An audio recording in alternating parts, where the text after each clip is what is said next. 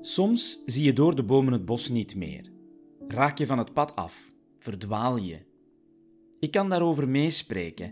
Soms wordt het allemaal te veel en is de wereld veel te groot. Je trekt je nog het liefst van al terug in een afgelegen woud, maar ook daar zie je al snel door de bomen het bos niet meer. Dan wordt het donker, eenzaam, koud. Je maakt jezelf wijs dat niemand van je houdt en je vergeet daarbij jezelf graag te zien. Soms loopt dat slecht af. Het valt moeilijk in te schatten, maar de nasleep van zo'n brute, definitieve afloop sleept soms jaren aan. In mijn geval al bijna 25 jaar. Hij was niet eens familie, gewoon een vriend van de familie. Tijdens een gezamenlijke wandeling van onze gezinnen kon er naar goede gewoonte niet hard genoeg gelachen worden. Trek door het bos eens de bomen. Het was nog de tijd waarin foto's op rolletjes werden gemaakt om later via clichés in een donkere kamer tastbare herinneringen te worden. Ik was trots op mijn Kodak die deel uitmaakte van de typische cadeaus die ik vroeg voor mijn plechtige communie. Het werd een foto die ik nog lange tijd bewaarde.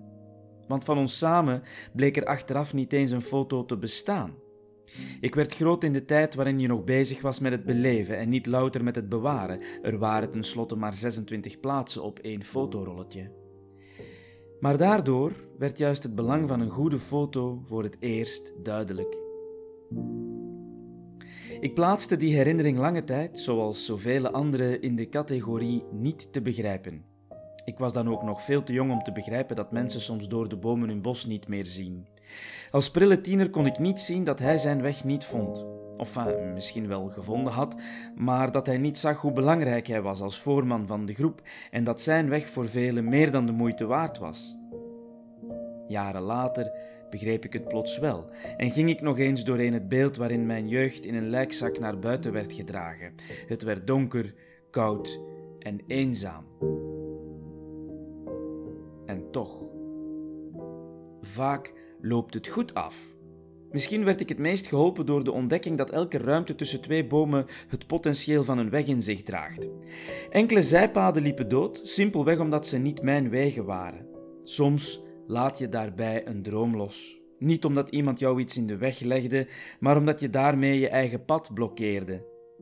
Als je je weg van de obstakels hebt vrijgemaakt, zie je weer waar de vooruitgang ligt. Daarbij kom je er ook achter dat in dat bos iedereen verloren loopt, maar dat anderen gewoon sneller de ruimte tussen twee bomen zien en wat leniger zijn in het klauteren op hun pad. Op de goede weg is het natuurlijk soms nog koud en donker, maar minder eenzaam dan eerst want op de juiste weg is het gemakkelijker jezelf graag te zien. Verwacht de dingen die je van jezelf mag verwachten, niet minder, maar ook niet meer. Als het op een keer toch te moeilijk is, laat je dan helpen. Zoek je steun. Zoek een boswachter, een wegenarbeider. Laat je informeren en inspireren. Zoek je plek.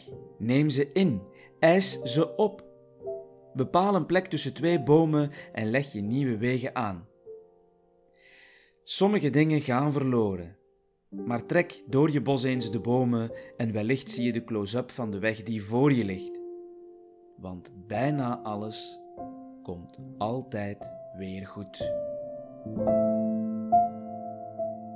Heb je nood aan een gesprek na het beluisteren van deze podcast? Dan kan je nu en later 24 op 7 en anoniem terecht bij Tele Onthaal op het gratis nummer 106.